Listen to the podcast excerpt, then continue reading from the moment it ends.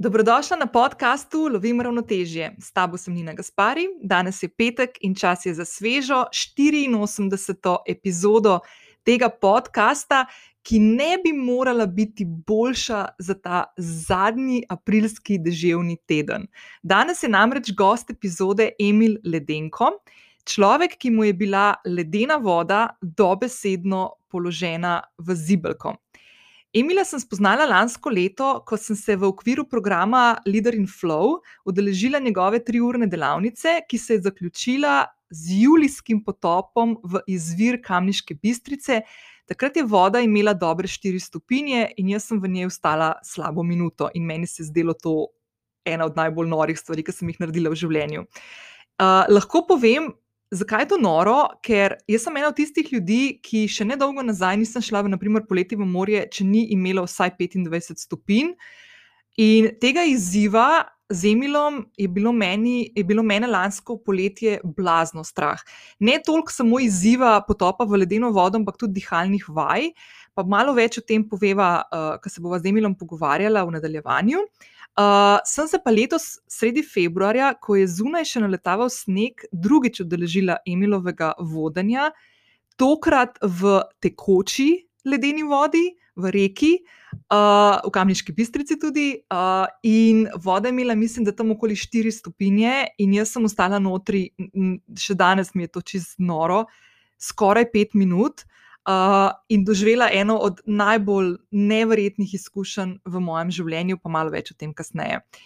Um, danes boš v najnem pogovoru izvedela, kako se je Emil lotil te poslovne ideje danes, ko praktično ne mine dan, ko ne bi organizirane uh, skupince ljudi peljal na potope, večinoma v Kamniško bistrico, tudi sicer drugot po Sloveniji.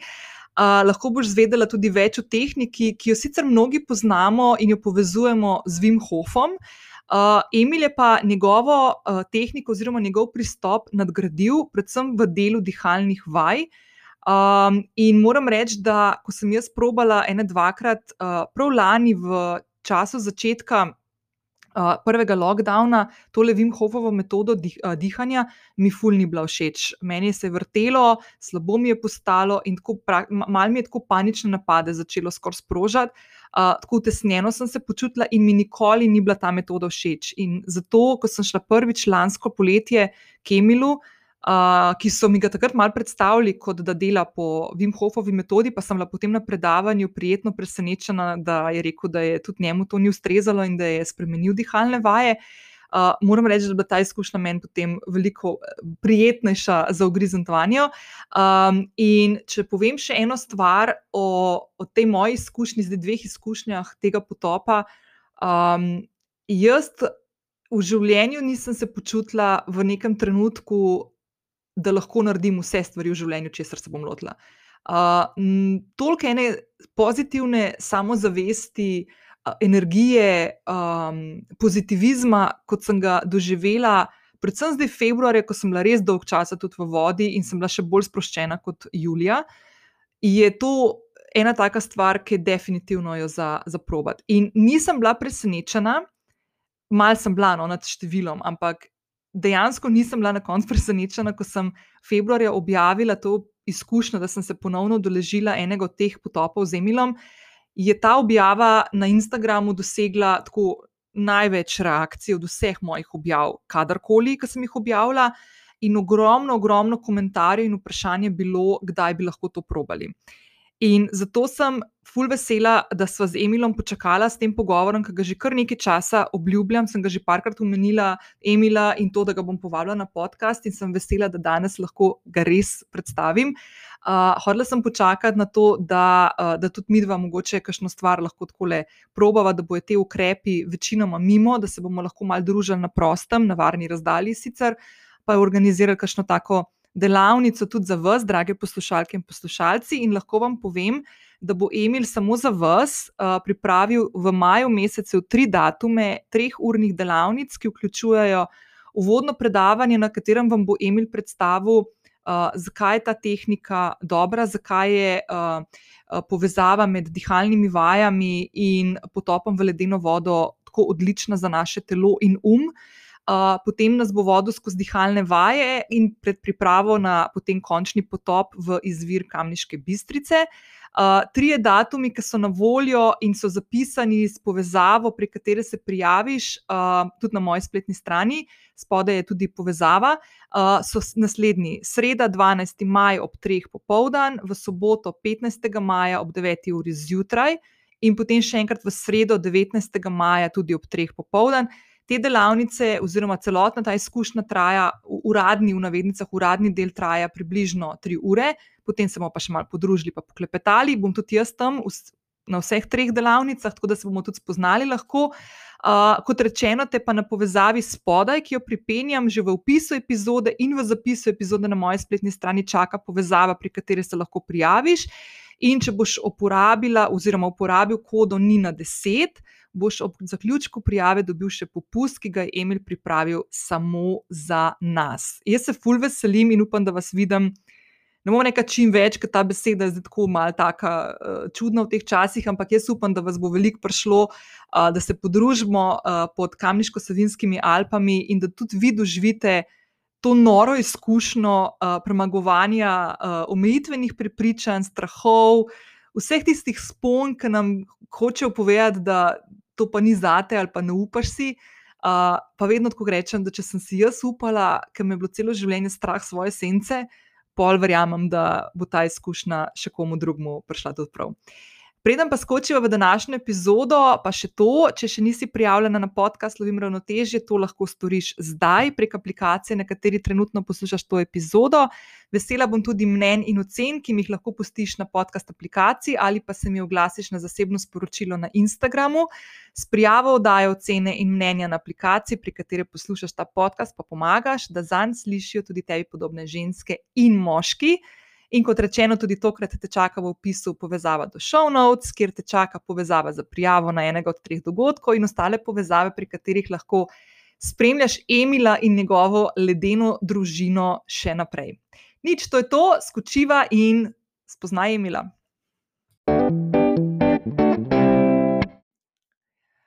Ja, hej, Emil. Čau, Nina. Kako si? Ej, fenomenalno.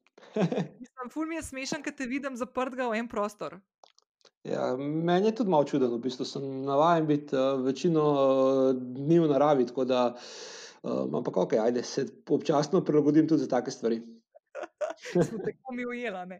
Ne, ne. Se vidi, da tista roža tam zadnji malo daje tako upanje, da ni še vse izgubljeno, tam je danes v tvojem popodnevu. uh, Ej, ok, deva tako začeti. Uh, nisva se pripravila, nimava istočnic, freestylava, kar je kul. Cool.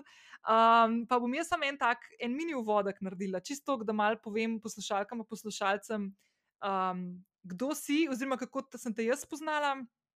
Uh, pa kva sva že vse ušpičila skupaj, pa kaj bova še ušpičila naprej. pa boš malo več povedal o tem. Okay, najprej sem hotela povedati, tako, da mi dva se spoznala lani julija. Ko sem jaz z mojimi kolegi, ki smo bili skupaj na enem programu, ki sem ga že parkrat omenila, to je Leader in Flow, uh, smo šli v sklopu tega programa mal svoje meje, cone obdobja in, in ostalih stvari, strahov, mal preskakovati oziroma pušati mal. Um, da smo si malo več prostora naredili okrog sebe, da smo malo meje stran potisnili, mislim, zdaj lahko za sebe govorim. In ena od stvari, ki smo jo obiskali, je, bilo, je bila tudi tvoja delavnica, ki si jo vodil pod uh, Kamniško-Savinskimi Alpami. Uh, pa bom malo kasneje povedala, ampak je delavnica tako vključevala eno predavanje, kjer je bilo meni full strah, ker sem te poslušala, ker sem rekla, da bo no go. Potem smo imeli ene dihalne vaje, ki so bile full super. In jaz lahko rečem, da sem prvič v življenju, ob vseh meditacijah in vsem, prvič doživela tako telesno izkušnjo božanja možganov, ki sem imela pri teh dihalnih vajah občutek, da sem imela možgane v enem džakuziju, fulnežnemu, tako masažo lepo. Um, in potem ne, smo mi šli v vodo, ne, ki je imela takrat ene štiri stopinje, pa nekaj. Ne. Tako je. Ja. Okay. No, in jaz sem v tisti vodi bila kakšno minuto, Meni se je zdelo, da sem bila 10 sekund, ti si rekel, da sem bila minuto in sem se zdela sama sebi totalna kraljica. Moji kolegi, nekateri so bili skoraj 10 minut. A jaz mislim, da si bila ti kar ne par minut, ne samo minuto. Ne, ne, ne, ta prvič ne, ta prvič sem bila full man. Ker sem pol hotel še enkrat. A, točno, ja, res je. Ja, ja, ja. No, ta, ta drugič, ko smo pa šli, ne, to je bilo pa zdaj pred kratkim, sred zime, ki mi je bilo pa spet čist na glavo, ne, sem pa bila skoraj pet minut. Uh, ja, v bistvu zdaj v te druge ti je paratal, uh, ful dobr. sem bila ne, rekel po slovenski. Ne, ja. okay. Dobro, deva, Emil, pejvaj malo nazaj, preden bomo prišli mi do tega, uh, kako ti uh, vodiš ljudi skozi uh, delavnice, uh, pa bomo pa povedali tudi, kakšne so prednosti, dobrobiti teh, te tehnike in teh delavnic, ki jih ti vodiš. Um, pa tega v navednicah namakanja v mrzli vodi, ki ni tisto uh, kopanje v mrzli vodi, ki ga poznamo, ki skačemo 1. januarja v vodo. To ni ista stvar, samo to, da tako razčistimo. Uh, Deva se mogoče malo vrniti, mal, da malo poveš, kdo si, kdo je Emil Ledenko. Ali je to res tvoj prav prijem? uh, ja, ja, v bistvu um, moje ime je res Emil Ledenko, um, tako se res pišem. No, v bistvu. Ljudje, ki sem jih spoznal v preteklih dveh, let, treh letih, v bistvu so prepričani, da je moj nickname, zato pač uh, zaradi stvari, s katerimi se ukvarjam. Ampak uh, ne, dejansko sem s tem primkom rojen in uh, lahko rečem, da je bilo meni uh, poslanstvo že s primkom položeno v zibelko. Uh, tako da res je pa, da sem rabu veliko, veliko let, preden sem to prepoznal. Uh, tako da, da bi bila ironija še večja, oziroma stvar še bolj smešna, sem bil pa pred uh, dobrimi štirimi leti najbolj zmrznen človek na svetu. Tako da mene je full zebra skozi. Um, hodil sem oblečen po, po zinka medved, uh, ne vem, tuširil sem se s kropom, ker mi je bila mlačna voda premrzla. Tako da v bistvu jaz sem bil um, vse drugo, samo za mrzlo vodo. Ne. Tako da res tisti uh, usekan ekstrem v čist drugo smer. In uh, moja življenjska želja je bila, da bi se mi enkrat ratal za 1. maja, ki ima morje nekih 15-16 stopinj, da bi se mi ratal skopati v morju. In sem to ene par let poskušal in mi ni ratal. Tako, vedno sem prišel do pasu in sem rekel, to za Emila ni. Uh, in uh, ker me je pol v bistvu srečala um, ta ledena voda v taki obliki, v bistvu, kot um, zdaj. In ko sem vedel, kaj me čaka, sem rekel, ok, dihalne vaje, super. Že prej sem meditiral, poznal sem določene dihalne tehnike in sem rekel, da to je krasna stvar. Ampak kako bom jaz v ledeno vodo, ne vem. Uh, tako da take strahove podpore, ki sem jaz imel do ledene vode, ne vem, dvomim, da je imel še kdo. No. In uh, nekako uh, iskal sem pa rešitev za svoje zdravstveno stanje, namreč uh, diagnosticirana mi je bila huda oblika artroze kolka. Bolečine so bile res uh, neznosne, in um, na tej poti iskanja v bistvu um, me je ta mrzla voda srečala. In uh, normalno, ko te enkrat vse to boli, da več rešitve ne vidiš, oziroma da ne veš, kaj bi. Uh, operirati nisem hotel, um, sem rekel, da mora obstajati tudi neka druga pot. Uh, sem rekel, ja, noč ne. Tudi če me tega fu strah, pa tudi če mi je to neka najbolj grozna stvar za me, saj tako sem imel v glavi. Ne. Uh, najbolj grozna stvar v življenju sem rekel, noč, uh, če si hočem pomagati, se bom soočil tudi s to ledeno vodo. In uh, pač korak po korak, um, začel sem z dihalnimi vajami, začel sem uh, z mrzlim tušem, nadaljeval sem z kamniško bistrco. Uh, ampak moram reči, da sem se zelo hitro sprijateljil z njo. Uh, v bistvu sem bil šokiran, uh, ker eh, vedno, kadar sem poskušal, recimo, to mrzlo vodo, sem prišel do gležnjev ali pa do kolen, to me je bolelo, to me je trgalo, jaz nisem mogel dihati, nisem mogel živeti notrne. In nisem mogel zastopati, v čem je poanta. Ker uh, zdaj pa, da bi v tej isti vodi lahko zaplaval ali pa bil noter 10-15 minut, ne mi je bilo nepredstavljivo. In uh, sem potem skozi čas ne, sem dojel, da je največja težava v bistvu bila v moji glavi. Ker sem bil prepričan, da ne zmorem, da ta mrzla voda vem, da me bo pojedla, da me bo ubila in da jaz tukaj nimam kaj delati. In normalno, ker sem imel tak uh, mentalni koncept v glavi, da je mrzla voda grozna, se moj telo samo odzival. In uh, ko sem jaz spremenil miselnost, uh, tukaj so mi pa dihalne vaje, ful, ful pomagale, uh, da sem se umiril, da sem utišal um, uh, se je zgodilo to, da nekako sem v glavi preklopil, oziroma da se je ta odpor do mrzle vode izginil in uh, telo se je samo odzvalo.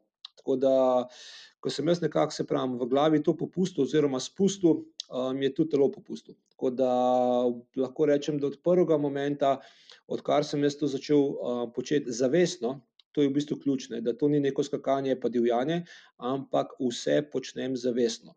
Uh, od takrat naprej v bistvu je ta izkušnja postala čist nekaj drugega, kot sem se jaz kadarkoli predstavljal. Tako da lahko rečem, ja, pač tisti odpor, recimo, je vedno treba premagati. Ne, ta voda, v kateri se jaz praktično vsak dan namakam, ima štiri stopinje. In ne vem, ali je to poletje ali pa po zimi, ne, v bistvu ni, ni, ni prijetno iti noter. Ne. Ampak točno vem, uh, kako bom to naredil. In uh, vsakeč, ko premagam tistih prvih 10-15 sekund, recimo, mi rata ful prijetno in lahko rečem, da je ta mrzla voda iz moje vem, največje sovražnice se vem, spremenila v najboljšo prijateljico. Tako da v bistvu si živ, življenja brez ledene vode se niti ne, ne predstavljam več. A ti pa greš vsak dan? V bistvu, ja, v bistvu šestkrat na teden hodim. No.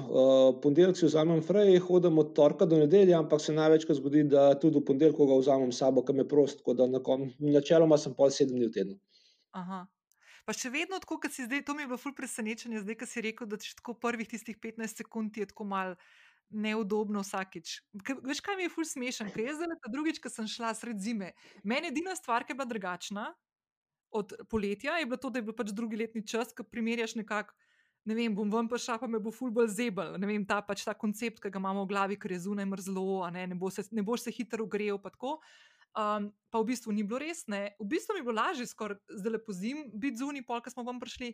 Uh, mi je bilo pa, ne bom rekel, da tako neprijetno, ampak ok, ful sem šla hitro v vodo, zdaj le tudi drugič, kot ti vedno praviš, ne, da se ne ustavljaš tam prvih delih telesa, kjer tudi včasih ti je morje, ki je imelo 25 stopinj, bilo premrzlo, kolena, boki, pasane. Mhm.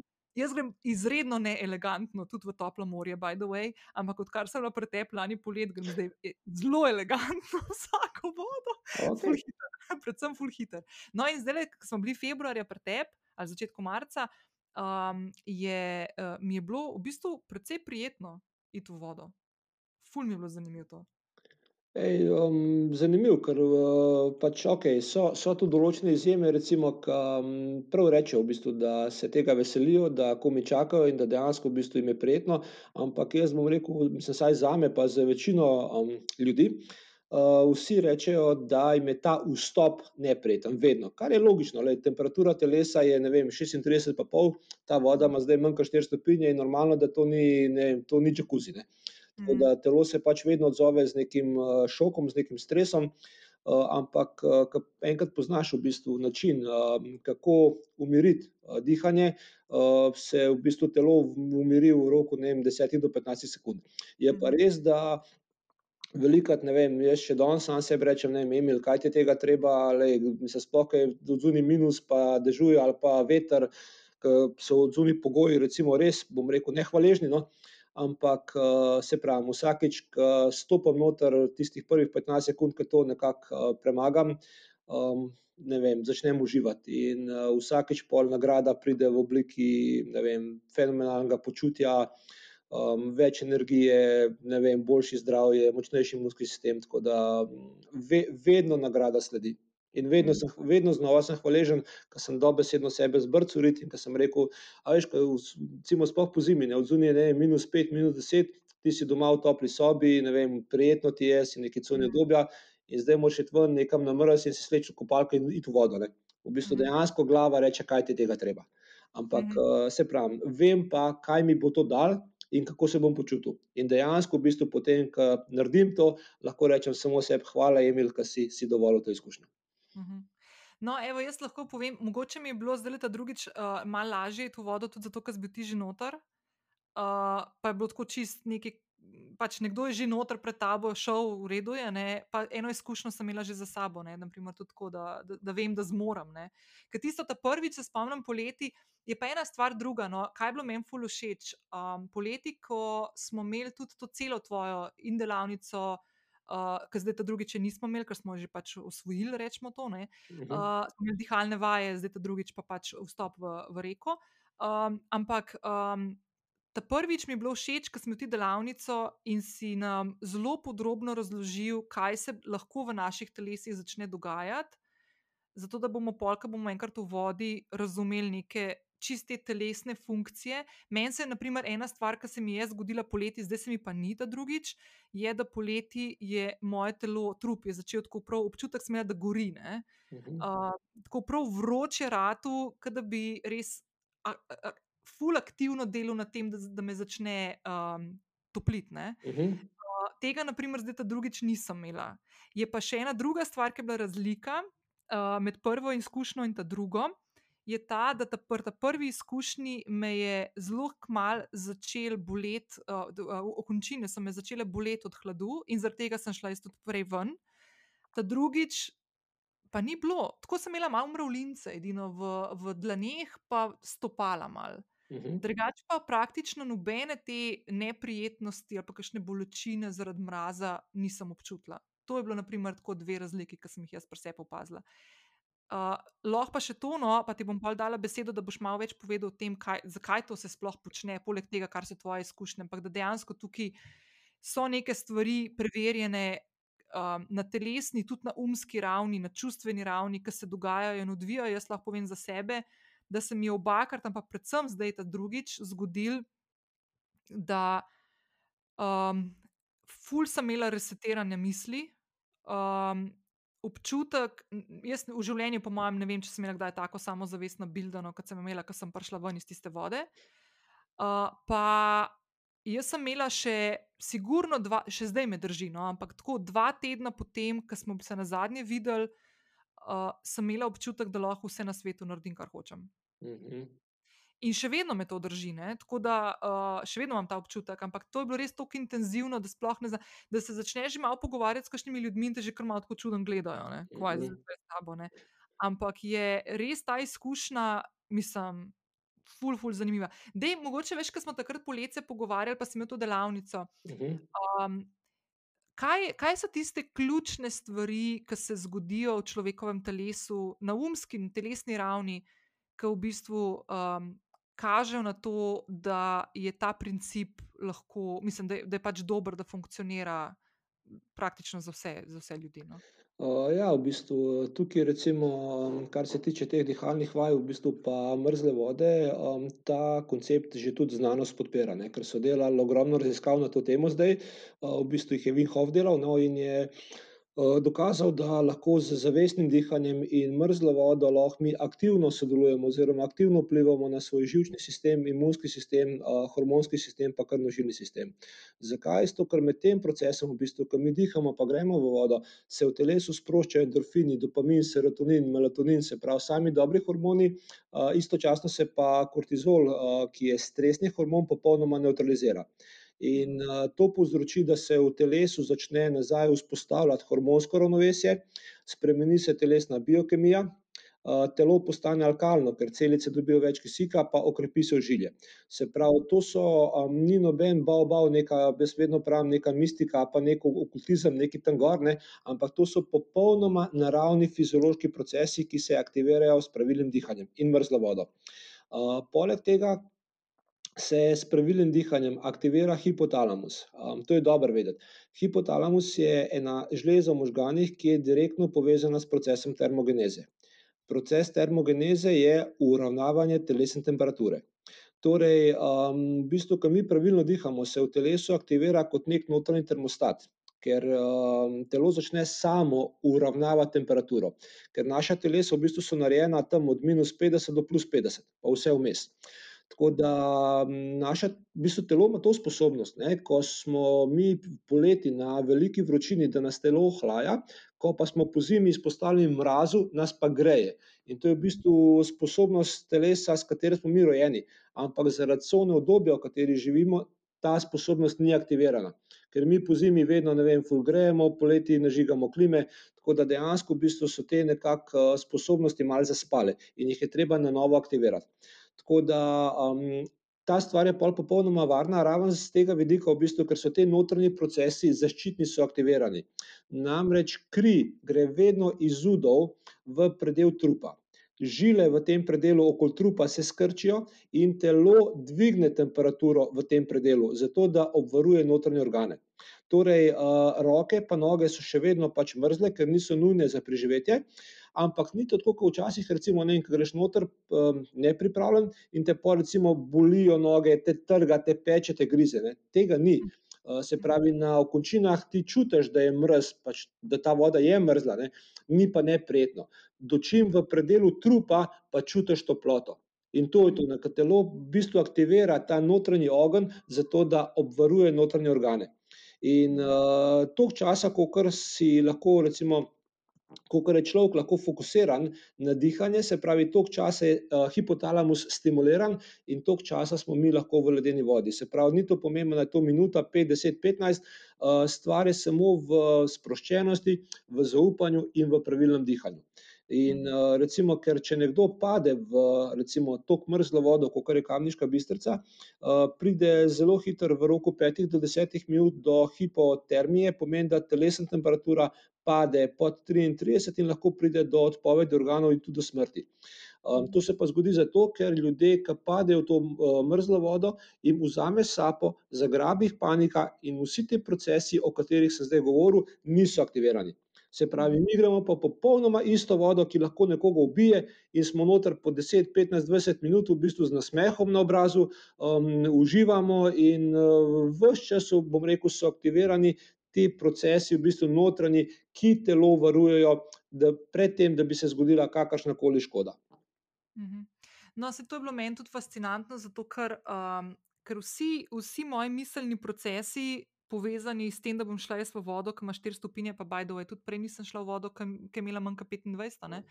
Um, je, so, so bili povezani s tem, da bo to meni blazno neprijetna izkušnja, ne? da bo mene bolelo, da mi bo neprijetno, da mi definitivno ne bo to udobno, uh, da bom hitro šla ven, da grem samo zato, da provam pa da rečem, da sem dala to čest. Ne? In meni je bilo ful, ful, ful zanimivo, da mi niti prvič, niti drugič ni bilo neprijetno, v bistvu mi je bila tako ful ful dobra izkušnja, tako neponovljiva. Mislim, po mojem, to je ena najbolj nora stvar, ki sem jaz naredila v življenju. Ja, tukaj ti lahko v bistvu takoj pač direkt povem, da um, ljudje, ki pridejo k meni na delavnice, ne, to mi je fascinantno. Ne, uh, vedno pridejo, ne vem, par minut prej in grejo v to vodo, recimo, zmočati noge ne, ali pa roke. In pol jih tako zaboli, da reče: čak malo, Emil. A zdaj tlele, ki meni, ne vem, skoraj noga odpade, ki noter stopam, a zdaj bom pa jaz tukaj noter, ne vem, zaplaval. Ne. Se rekel, ja, točno tukaj boste zaplavali. In uh, 90% ljudi, ki jih meni pride, pridejo totalno prestrašeni. Se pravi, oni pridejo prepričani, da jim to ne bo uspelo. Uh, želijo se naučiti pravilno dihati, kar je tudi uh, velik podarek na mojih delavnicah in na pravilnem dihanju, ampak za vodo pa ok, če bomo, bomo, če ne bomo, ne bomo, silu jih ne bom, ampak oni so prepričani, da ne bojo zmogli. Ravno zaradi tega, ker pravim, oni zmočijo noge do gležnja ali pa do kolen, to jih po desetih minutah tok trga, da morajo ven. In, za, se, in problem je v glavi, ne? ker za glavo je pa potem nepredstavljivo, če on ne more stati, ne vem, deset sekund v vodi do gležnja ali pa do kolen, kako za vraga bo lahko zdaj noter bil par minut cel. In uh, To je ta mentalni koncept, ki se aktivira v glavi. In zato vedno pravim, uh, ni v življenju vse v glavi, mrsika je. Ampak kar se pa ledene vode tiče, je pa dejansko vse v glavi. Ker tukaj je ta naš miselni koncept edina stvar, ki nam preprečuje to super izkušnjo. In ko uspemo umiriti um, utišati misli, dejansko telo začne funkcionirati za to, kar je bilo ustvarjeno. In aktivirajo se vsi ti procesi, v bistvu, ki nam omogočajo varno in lahko celo rečem tudi zabavno izkušnjo. In ljudje, ko pridejo ven iz vode in so vsi noter, bom rekel, od minute pa do pet ali pa celo deset minut, tudi začetniki, pridejo ven s takim navdušenjem, ker oni niso mogli verjeti, če so sposobni. In uh, ko pridejo ven, v bistvu vsi rečejo, uh, to ni tako bav, bav, kot si oni predstavljali. Se pravi, dejansko njihova predstava v glavi je bila, da je to nekaj groznega, da je to, da je to nemogoče. Ampak, pol, ko se s pravilnim pristopom, ko oni grejo noter in ko vam pridejo, ko oni dokažejo sebi, česa so sposobni, pridejo ven s takim nadušenjem, da je to težko opisati. Njihove učke žarijo. In pa reče, ah, čak malo, pa se to pa, to pa res ni tako težko, kot sem si predstavljal. In zdaj, če ne bi si dovolil te izkušnje, oni nikoli ne bi vedeli, česa so sposobni, česa so zmožni. In dejansko se zgodi, da, in to vedno pol podarim, ne, da človek gre v mrzlo vodo, eden, iz vode pride pa popolnoma drug. To te ta stvar resetira. In še ena stvar, v bistvu, ki pa tukaj jaz res ljudem v bistvu pomagam uh, pri tem prvem koraku. Ne, ker uh, jaz vem, da prvih 15 sekund ali pa pol minute ljudi v vodi zagrabi taka panika, da težko opišem. In jaz sem takrat poleg njih ne, in jih eh, dejansko v bistvu um, svojo energijo jim držim popolnoma varen prostor, da se oni počutijo varni, da lahko zaupajo. In uh, takrat oni samo moj glas poslušajo, ker oni sebi ne zaupajo, ker še nimajo te izkušnje.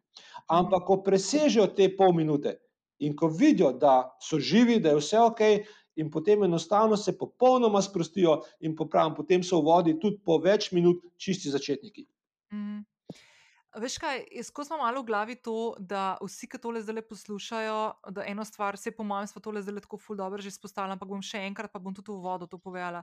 Da meni, naprimer, jaz konkretno, kljub temu, da sem bila dvakrat, jaz si ne predstavljam, da bi kakšno tako stvar šla sama delati zdaj, ne, ker kao, zdaj sem pa že dvakrat bila in zelo to sama naredim. Uh, pa se mi zdi ful pomemben to res izpostaviti, uh, zato ker to, kar si zdaj ti omenil, ne, da si ti tam zraven kot uh, vodič in trener tega in da v bistvu svojo energijo, konc koncev in strokovnostjo vodiš ljudi do te izkušnje, in da jim daješ občutek te varnosti, in da je nekdo tam, ki pač ve, kaj dela uh -huh. in mhm. jih ne, vodi skozi to, sploh tisti začetek, ki stopiš noter. Se mi zdi to blazno pomembno. In druga stvar, ki smo zdaj že tako fulkrat omenjala, te dihalne vaje, pa se bo zdaj malo tudi na to obrnila.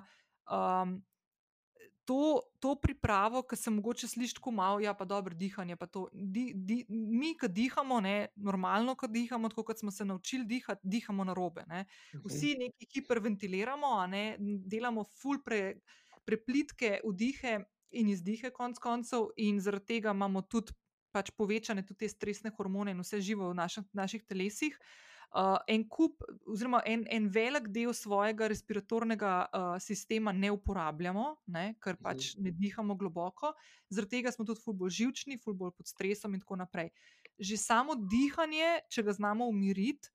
Uh, tudi brez teh dihalnih vaj, zato da greš potem v ledeno vodo, je, je stvar, s katero lahko ti svoje misli, svoje čustva umirjaš na zelo, zelo enostaven način. Mhm. Če umiriš, dihaš skozi nos, podaljšuješ izdihe, da so daljši kot vdih, in tako naprej. Že s čisto enostavnim štetjem sekund. Ne. Zdaj pa ena stvar, ne, kar mene v bistvu, ko sem jaz prvič prihajala k tebi, takrat poletne. Je mene v bistvu še bolj kot to, da sem šla v mrzlo vodo, me je skrbelo dihanje. Uh, pa ne zato, ker imam težave s tem dihanjem, ker tudi jaz že iz joge in tako naprej in meditacije poznam dihalne vaje in jih tudi izvajam.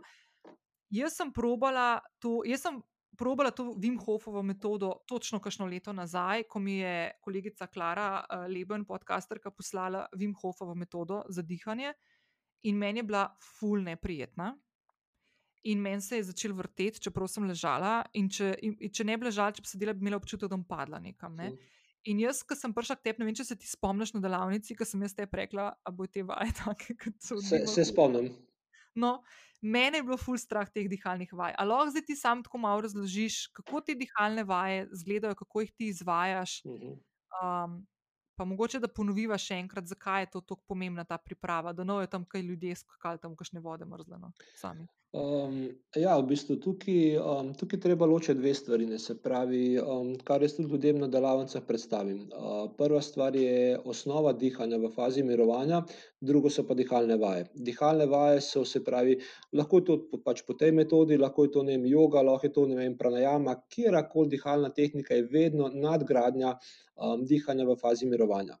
In to se zdaj lepo reklo, v bistvu, da um, večina ljudi v zahodni populaciji uh, diha popolnoma nepravilno. Torej, um, dihajo absolutno preveč, se pravi, s prevelikim številom vdihov, pa izdihov na minuto, uh, dihajo površno, se pravi, dihajo z zgornjim delom prsnega koša. V zgornjem delu prsnega koša je največ stresnih receptorjev. In eh, če mi dihamo iz zgornjim delom prsnega koša, vse čas stimuliramo stresne receptorje. Že tako smo v bistvu izpostavljeni stresu zaradi načina življenja, praktično iz dneva v dan ali pa cel dan. In zdaj, če pa še z nepravilnim dihanjem, vse čas te stresne receptorje aktiviramo, si delamo ogromno škode. Tako da prva stvar, ki jaz polagam na dušo, v bistvu vsem in to tudi na delavnici večkrat eh, ponovim v fazi mirovanja, ki je osnova za dihanje, um, je treba zmanjšati količino dihanja na minimum. Torej, dihati izključno skozi nos, iz spodnjim delom trebuha, torej s trebušno prepono in z minimalnim številom vdihov in izdihov na minuto. To dosežemo tako, da podaljšujemo vdih in izdih. Se pravi, dihanje je popolnoma nežno, umirjeno, z občutkom, s podaljšanim vdihom in izdihom. Tako da nekje, da si lahko ljudje lažje predstavljajo, optimalno bi bilo, če bi recimo in vdih in izdih trajala po približno šest sekund. Torej, da bi naredili nekje pet vdihov na minuto. In uh, to se da doseči iz vsakodnevno vajo, zato ker uh, dejansko v bistvu mi smo pozabili dihati. Uh, pozabili smo dihati, zato ker že od majhnega smo izpostavljeni različnim vem, pritiskom, stresu, pravilom in tako naprej. In prva stvar, v bistvu, ki se že pri majhnem otroku spremeni oziroma zakrči, je dih. Uh, ker pa mi dihamo po avtopilotu, nezavedno, mi praktično v bistvu od drugega ali pa tretjega leta starosti naprej dihamo napačno. In s tem napačnim dihanjem se mi v bistvu povzročamo ogromno škode. Torej, prvi korak za bolj zdravo in, bom rekel, radostno izpolnjeno življenje je naučiti se ponovno pravilno dihati. Kar pomeni zapreti usta, dihati skozi nos, s spodnjim delom trebuha, s podaljšanimi vdihi in izdihi. To je osnova. Dihalne vaje so pa potem nadgradnja. In tudi, ko sem jaz v bistvu um, sem se učil od Vinhofa, kupil sem dva njegova desettedenska videokursa in sem bil prepuščen sebi. In jaz sem dihal, mislim, da prvih šest mesecev na ta način, ki si ti preopisala. Um, jaz ti povem, da je bilo meni tako neprijetno, da ne znam povedati. Ene parkrat sem si sprožil na ta način um, aritmijo in to, bom rekel, precej močno, tako da sem se fejstu strašil. Uh, poleg tega, um, okay, so bile dobre stvari. Vem, um, čutil sem ta hype energije, uh, čutil sem, vem, da me to napolne, ampak istočasno v bistvu sem pa čutil fulne mera. Zato, ker ta način v bistvu hiperventilacije ne, je mhm. ok, ampak ni ok za vsega. Oziroma, za večino ljudi ni primeren. Za eno manjšo skupino pa definitivno ja, sploh če je vodeno. Ker hiperventilacija lahko spet aktivira določene procese v telesu, um, bom rekel, uh, lahko potegne iz nezavednega marsikaj, kar je bilo potlačenega, in to lahko pri ljudeh, bom rekel, povzroči zelo neprijetno izkušnjo. In če nimaš nekoga ob sebi, ki oblada, je to lahko dost, bom rekel, um, dost huda izkušnja. In s tem se ni zahecati. In zato sem jaz v bistvu, če iskreno povem, če ne bi jaz imel takih bolečin v kolku, če ne bi jaz iskal rešitev, prepričan v sebi, da jo bom našel, garantiram, da bi že po enem treh tednih odnehal s to metodo. In mm. po moje, do mrzle vode sploh prišel ne bi. In uh, sem rekel, da ustrajal bom, ker pač uh, me tako me bolelo, da enostavno pač nisem mogel živeti. In sem rekel, jaz bom ustrajal s to, ker jaz se bom pozdravil. Jaz sem bil odločen. Ampak uh, večina ljudi, bom rekel, nima te moči v sebi, ali pa saj nima dovolj močnega razloga, da bi ustrajal pri nečemu, kar ti ni prijetno. Mhm. In jaz dejansko že pri prvi seriji dihalnih vaj sem komi čakal, kdaj bo že konec te tretje serije, sam da čim prej neham. To mi je bilo neprijetno. In mhm. potem sem začel raziskovati, kaj lahko naredim, da se bom jaz počutil prijetno, da bom začel v dihalnih vajah uživati. In sem študiral še druge dihalne tehnike, največ v bistvu to butejko metodo. In sem prišel do zaključka, da lahko to isto tehniko, kot jo izvaja Vinhof agresivno, jaz počnem na nežen način. Torej, isto delam te globoke vdihe, pa lahkotne izdihe, ampak na precej bolj nežen način. Torej, ne prihaja do hiperventilacije, ampak je to v bistvu vse čas kontrolirano dihanje. In dokler recimo Vim naredi dva ali pa tri vdihe, jaz naredim enega. Tako da dejansko v bistvu sem res podaljšal te vdihe, delam fulnežno, mehko, pa z veliko občutka. In kaj sem dosegel? Dosegel sem to, da je efekt isti, če ne še boljši, ampak jaz se med samim vajam počutim prijetno. Jaz pri vsakem dihu uživam, ker prej nisem užival. In to je to, kar sem pol na mestu treh serij, pol začel delati po šest, sedem, osem, zato ker mi je tako dobro že med samim vajem je tako dobro, da, da tako uživam, da enostavno bi včasih naredil kar po 20 serij. Da ne govorim, kako se pol po dihalnih vajah ali pa tekom dneva zaradi tega bolj počutim. Torej, jaz sem prilagodil v bistvu to tehniko na način, ki je meni ustreza, ampak očitno tudi tečajnikom. Zato, ker res jih kar nekaj poznam, ki so kupovali te videokurse in so potem prišli k meni, ker se niso dobro počutili. Isto kot ti, vrtel se jim je, um, ne vem, ali pa jih je kaj bolelo, ali pa karkoli.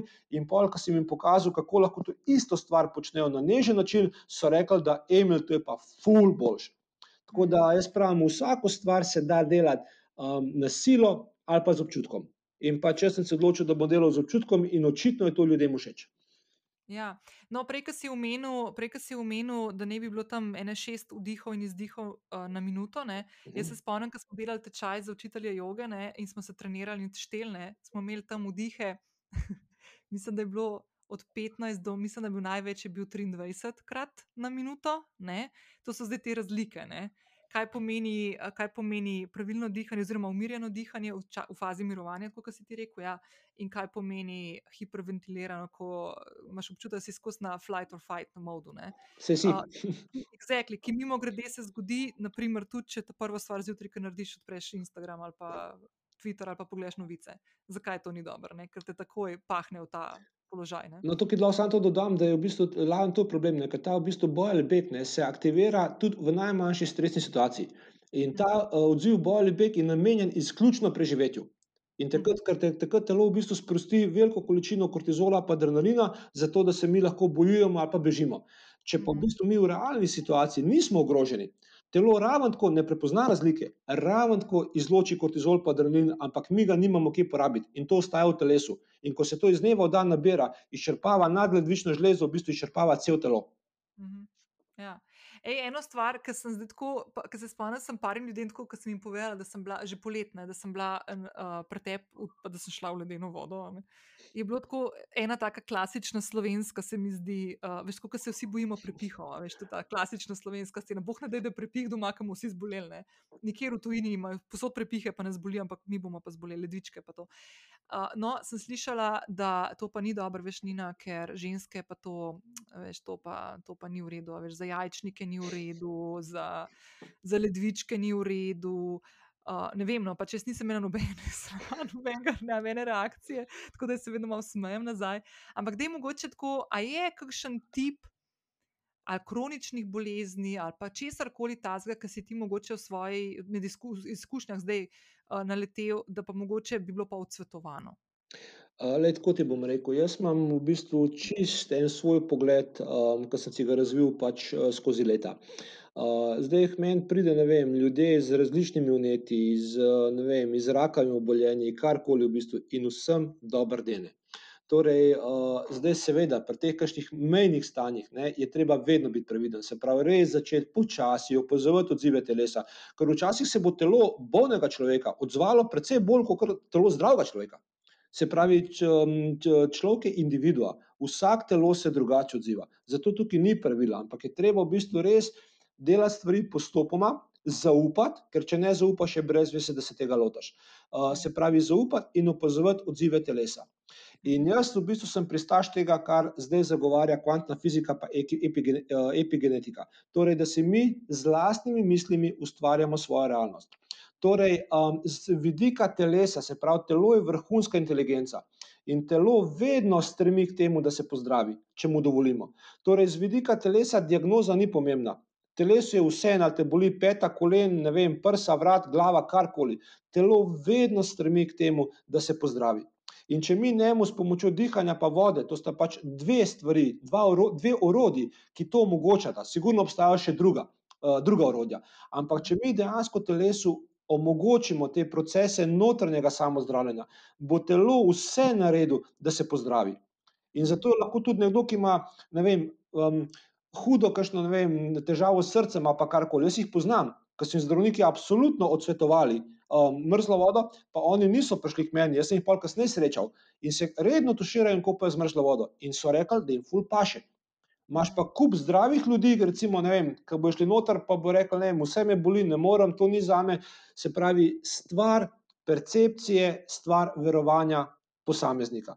In zato mhm. še enkrat ponavljam, če nekdo v osnovi verjame, da mu bo ta stvar pomagala, da ga bo podprla na poti, sem prepričan, da ga bo.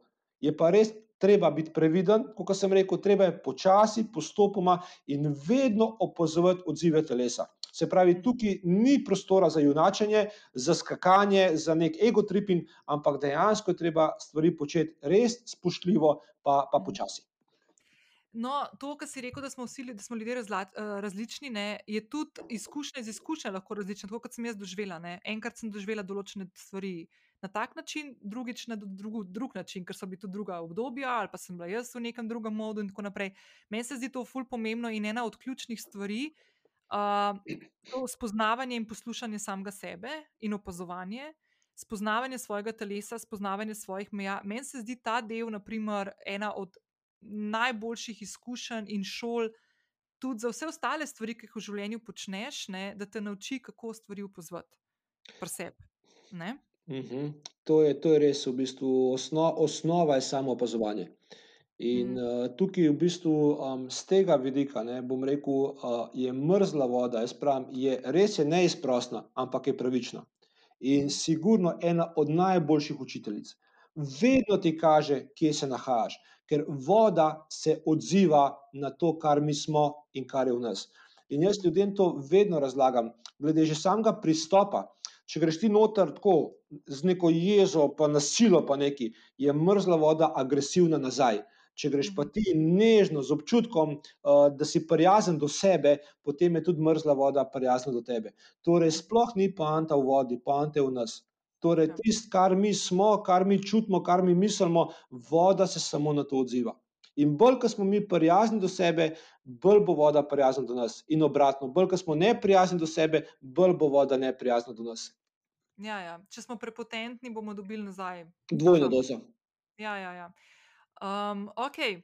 No, zdaj pa bi jaz rada eno stvar povedala, ki mi je smešna in the best, ampak jaz nisem dobila toliko odzivov, kot sem jih dobila na to fotko, ki sem jo objavila, da sem bila marca ali februarja. Mislim, da je bil februar, konc februarja.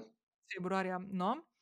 In pa, ne, pa ni fora v teh odzivih, pa všečkih, pa komentarjih, ampak ful sem dobila vprašanj, kdaj lahko tudi moje sledilke, pa sledilci, predvsem sledilke, da bi one tudi to probala. Ne? In zdaj mi dva Emil sva tako malce s tem podkastom počakala, zato ker živimo pač v čudnih časih, ne? ko se ne smemo družiti, oziroma whatever. Ne bomo zdaj ponavljala to, ampak zdaj se stvari malo izboljšujejo, mi se lahko že tako družimo, sploh na prostem, ne? so te stvari že dovoljene, in sva se mi dva odločila, da glede na to, da se je fulenih, uh, predvsem žensk, javilo, da bi to probale. Sva rekla, da bomo naredila eno, eno zadevo in bomo povabila, oziroma ti boš povabil, jaz bom prišla pa zraven. Tako je. Tudi jaz povabila. No, vas zdaj vabim, da bomo šli skupaj v, uh, um, v izvir, ne izvir, ni izvir, ne, to mi boš zdaj ti popravil. Kamniške bistrice. Je, je izvir. A je izvir? Je izvir. Je izvir Kamniške bistrice, kjer se to lahko počne. Tako, dovoljeno je kopanje. Je to dovoljeno, ja. Uh, Uh, in uh, bova zdaj naredila tako, uh, kako smo se zmenila, da bova dala par datumov, ki bo na tvoji spletni strani, jaz bom, jaz bom objavila link. Tako. Si boste zbrali datum. Uh, in tiste, ki se boste prek tega linka, oziroma tisti, ki se boste prek tega linka prijavili, se bomo pač valjda, zdaj moram jaz trikrat priti. To se zdaj razume. Aha, ok, the best. Um, Ja, pa ful mi je dobro, čak, sorry, zdaj še to moram povedati. Ne, bom pol, bom pol, da, da zaključim to misel, ko bom poznala. Uh, v glavnem, uh, bomo se pol trikrat videli in uh, se bomo šli pač to delavnico, pa dihalne vaje, pa potop, bomo potop do vratu. No, Tako, vse, vse v paketu. Vse v paketu. Pa ena posebna cena bo še zraven, kaj bo Emil pripravil. Tako da, uh, tako da bom jaz tudi, sem že v uvodu več povedala o tem, uh, uh, spodaj v povezavi čaka, v, v, v opisu te epizode in na show notesih na moji spletni strani, ki je tudi spodaj link, tako da lahko greste tja, pa se prek tega linka prijavite, zato bo potem tudi le druga cena. Tako, tako, tako, tako. Za, za tvoje sledilce bo ekstra popust. No, kako dober. Skratka, zdaj pa tako. Zdaj, pravila igre bomo pol, ki boste se potrdili, ne zdaj. Kaj morate prenesti, pa salamce, pa take stvari, ne, zdaj sem se. Ampak ne, veš kaj, upam, da bo tudi tu na koča že odprta, ker je bilo tudi lani pol fulušten, ko smo se malo tam podružili, uh mhm. -huh. pa nazdravili. Uh, pa mislim, da ima nekaj štrukle dobre, pa neke te scene. Ne? Dobro hrano ima. No, tudi tako, veš, da lahko naredimo tako malo cel ta happening okrog tega. Skratka, jaz sem ful vesela, če vas, če vas bo čim več prišlo, ali pa oziroma vsaj tiste, ki ste se tam ful javljali na, na uno objavo. Uh, drugač pa, čakaj, kva sem zdaj hotla še nekaj ful pametnega povedati, tako sem pozabila. Ne? Kaj sem pozabila zdaj? Da se sem spomnila. Um, Dej, veš, kaj mi še povej? Um, ti si zdaj tako praviš, a ja, vem zdaj, kaj sem hotela reči. Zdaj vem, da moga trikrat priti, zato ker veš, kaj hočem tudi narediti. Naslednjo polno luno bi rada prišla. Da mi zdaj še to povej. Te tvoje. Opa. Opa, lej, ja, v bistvu to je tako. Ne. Zdaj jaz imam um, dve stvari. Ne. Se pravi, eno stvar so delavnice. Delavnice so namenjene pač novincem, um, zato da jih naučim uh, pravilnega dihanja, pa varnega potopa v mrzlo vodo. Pa še marsikaj zraven povem. Se pravi, to je prvi korak. Imam pa tudi svojo skupino, ki se je reče Ledena družina. To so pa v bistvu že ljudje, ki so bili pri meni na delavnicah in so se odločili, da se ne bojo potapljali sami, ampak da jim to bolj paše delati v družbi. In jaz imam šest terminov na teden, od torka do nedelje, kjer se mi redno srečujemo skozi celo leto. In um, eden izmed uh, pač teh, um, bom rekel, dogodkov, ki. Po katerem smo znani, je tudi um, enkrat na mesec, se vedno potopimo po noči o polni luni. Uh, pomeni, da se zberemo zvečer v Kamerski bistrci, zdaj, ko je bila policijska ura, je bilo to tam okoli šestih, pol sedmih, ampak sreč je bila tema. Ampak zdaj, ko policijske ure ni več, se bomo pa spet dobivali ob devetih ali pa pol desetih. In to tako zgleda, uh, to tako zgleda da v bistvu um, pride še en moj prijatelj in mi dva uh, te prvo peleva, se pravi, skozi teh, ta proces dihalnih vaj, celo skupino, igrava na gonge, šamanske bobne, na tibetanske sklede, v bistvu se pravi, cela zvočna kopel zraven. Ob vodi so postavljene bakle.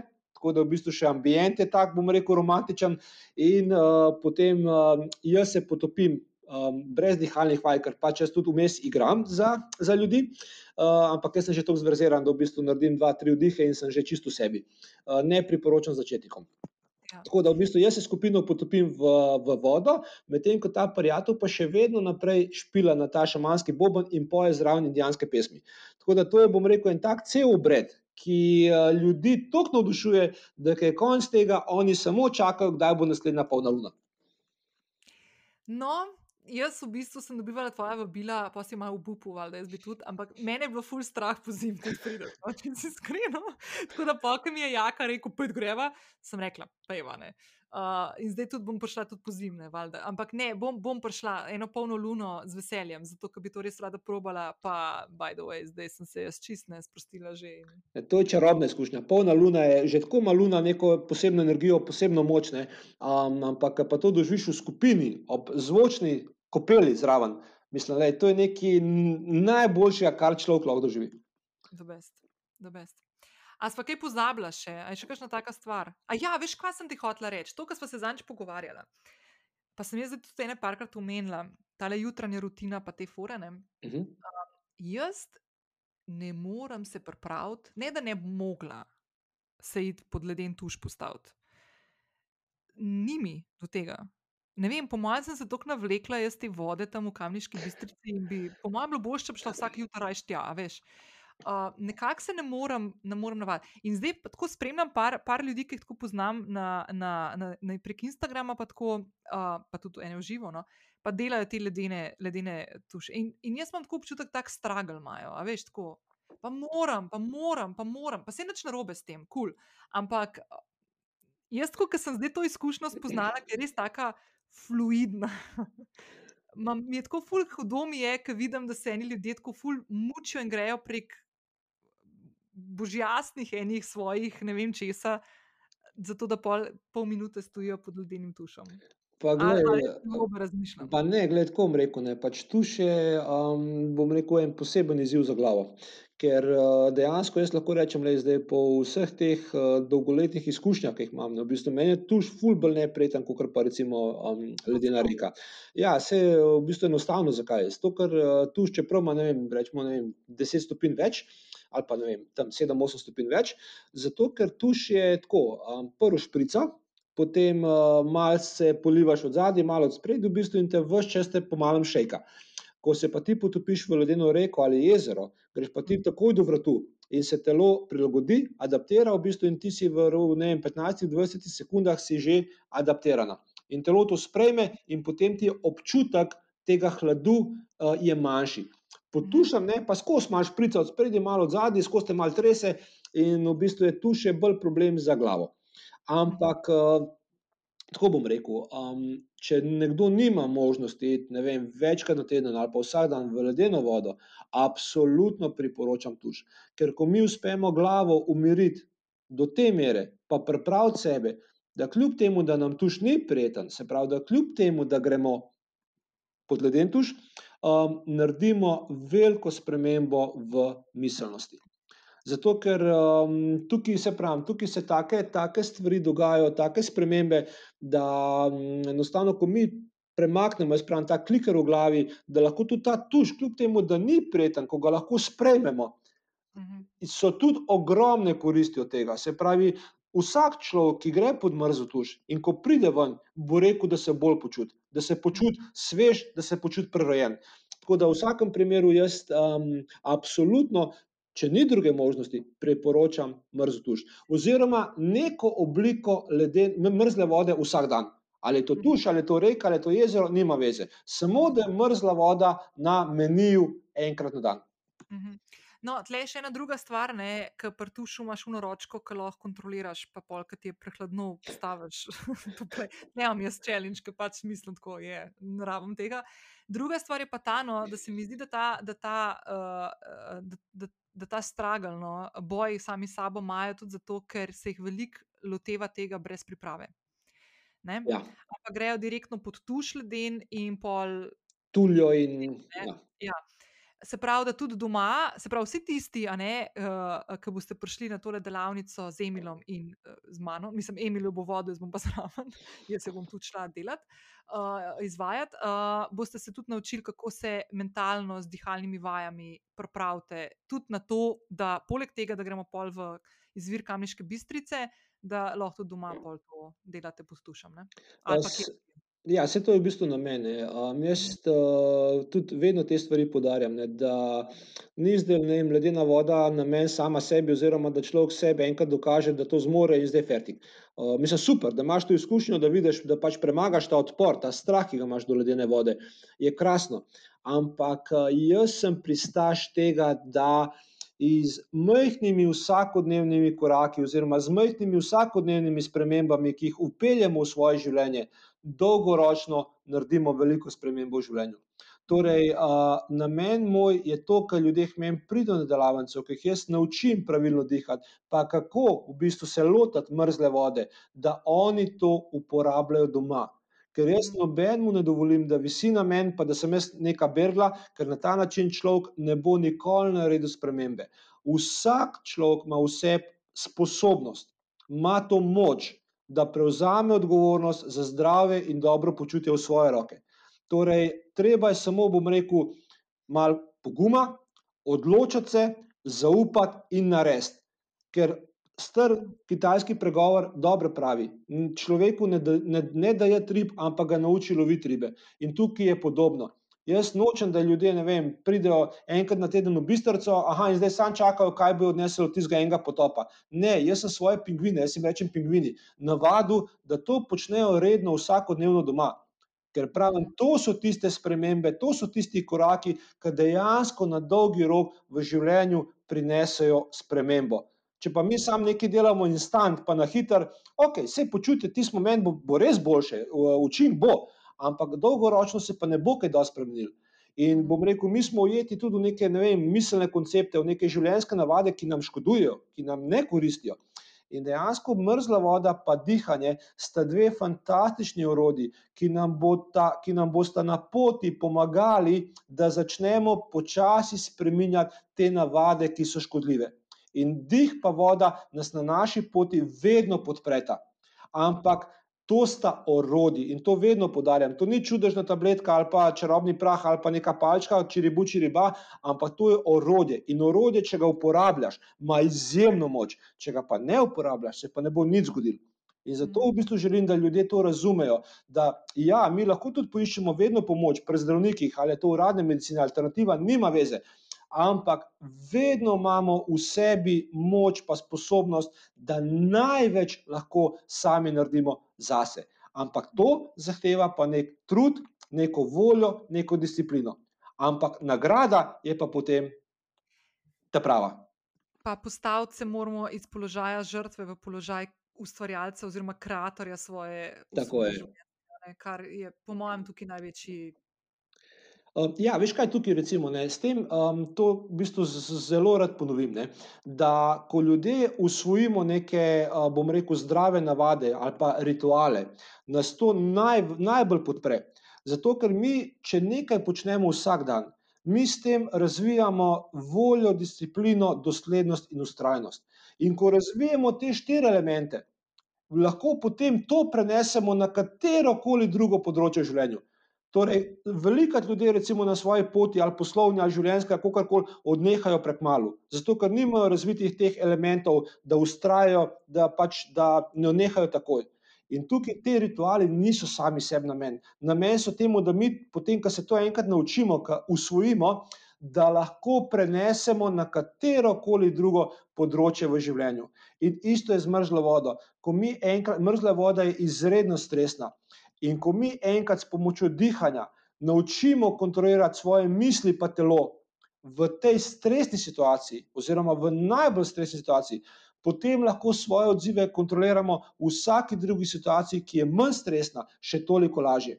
Mm. Torej, vse, kar počnemo, ima svoj namen tudi širši.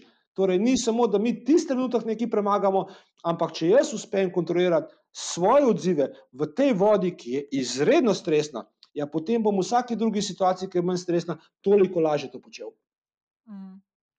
Ja, se strinjam. To je to, kar sem jaz prej rekel, da sem imela tako dva tedna občutek, da lebdim, pa da lahko čisto vse stvari naredim v življenju. Uh mhm. -huh. to, je ta, to je ta občutek, ki si ga, če ne bi se to pogovarjali, težko si ga razložiš. Ja. Um. Povej, kaj si še hotel reči? Zaključna misel. Pa, gledaj, v bistvu, um, hotel sem reči, da dejansko da sem preko te izkušnje res prišel do tega, da um, vse ta nek potencial je res zakopan v nas. Sam treba ga odkleniti. In živimo v času, recimo, vem, ko vidiš, ne vem, poka zdravstvo po šivih, cel sistem poka po šivih, in dejansko v bistvu ljudje več niti ne dobijo pomoči, ko jo rabijo.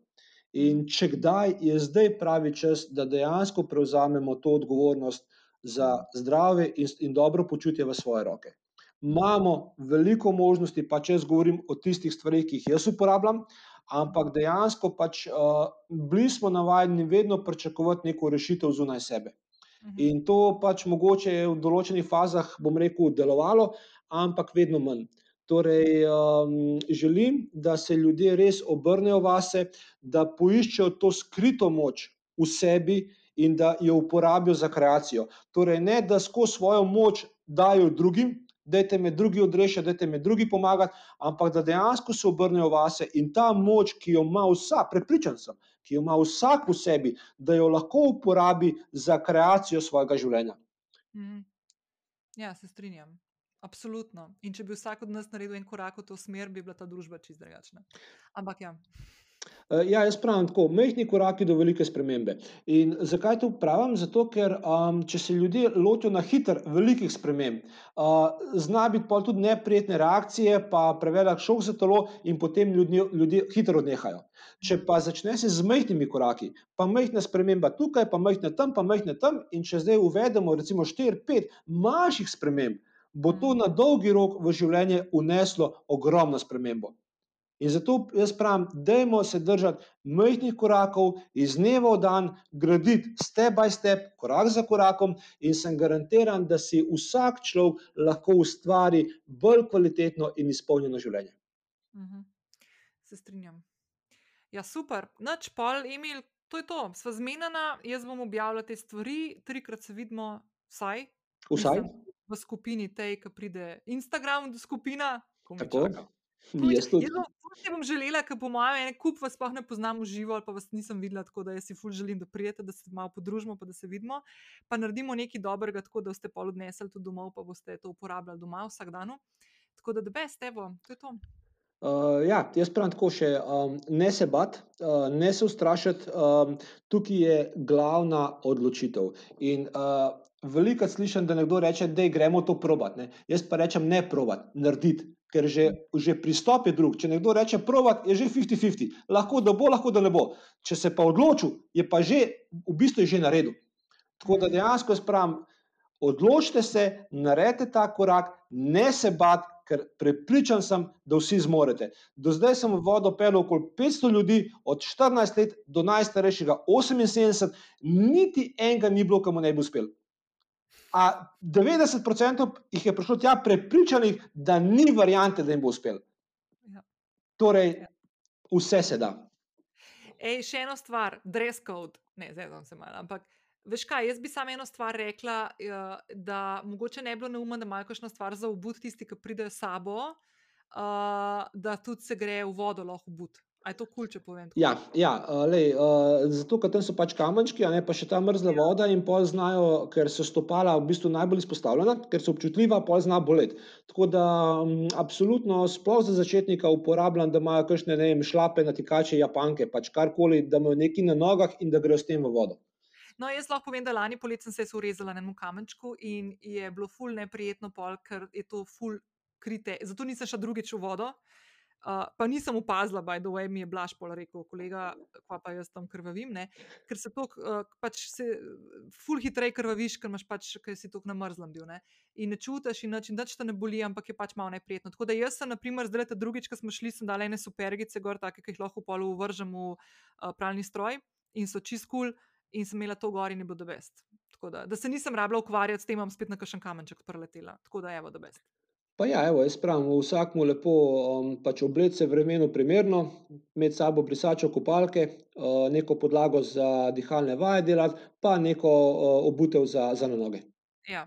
Kopalke, joga, podloga, kakšna dekca, če bo še mrzlo, čeprav po mojem maja meseca. Ne, ne, mislim, da zdaj nizkih temperatur prav nekaj posebej ne bo več.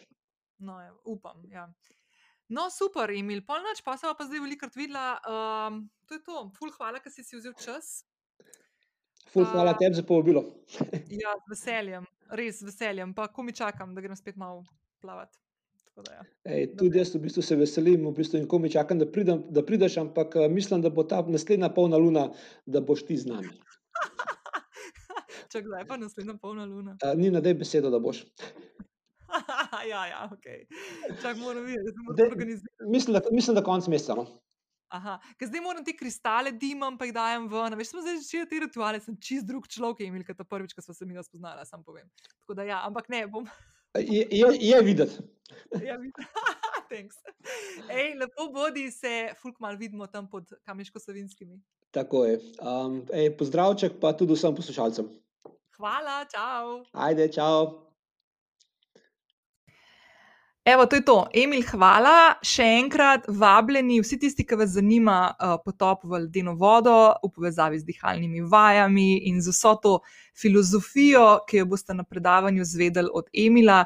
Uh, pridite in sicer v sredo 12. maja ob 15. uri, soboto 15. maja ob 9. uri zjutraj ali pa naslednjo sredo, še eno sredo kasneje, se pravi 19. maja, spet ob 15. uri ful je lušten, ful je fajn, uh, tako čarobno vzdušje je tam. By the way, v februarju, ko sem bila tam, um, se nismo mogli v izvir Kamniške bistrice potopiti, ker so tam snimali hollywoodski film z Naomi Watts v glavni vlogi, sam to povem.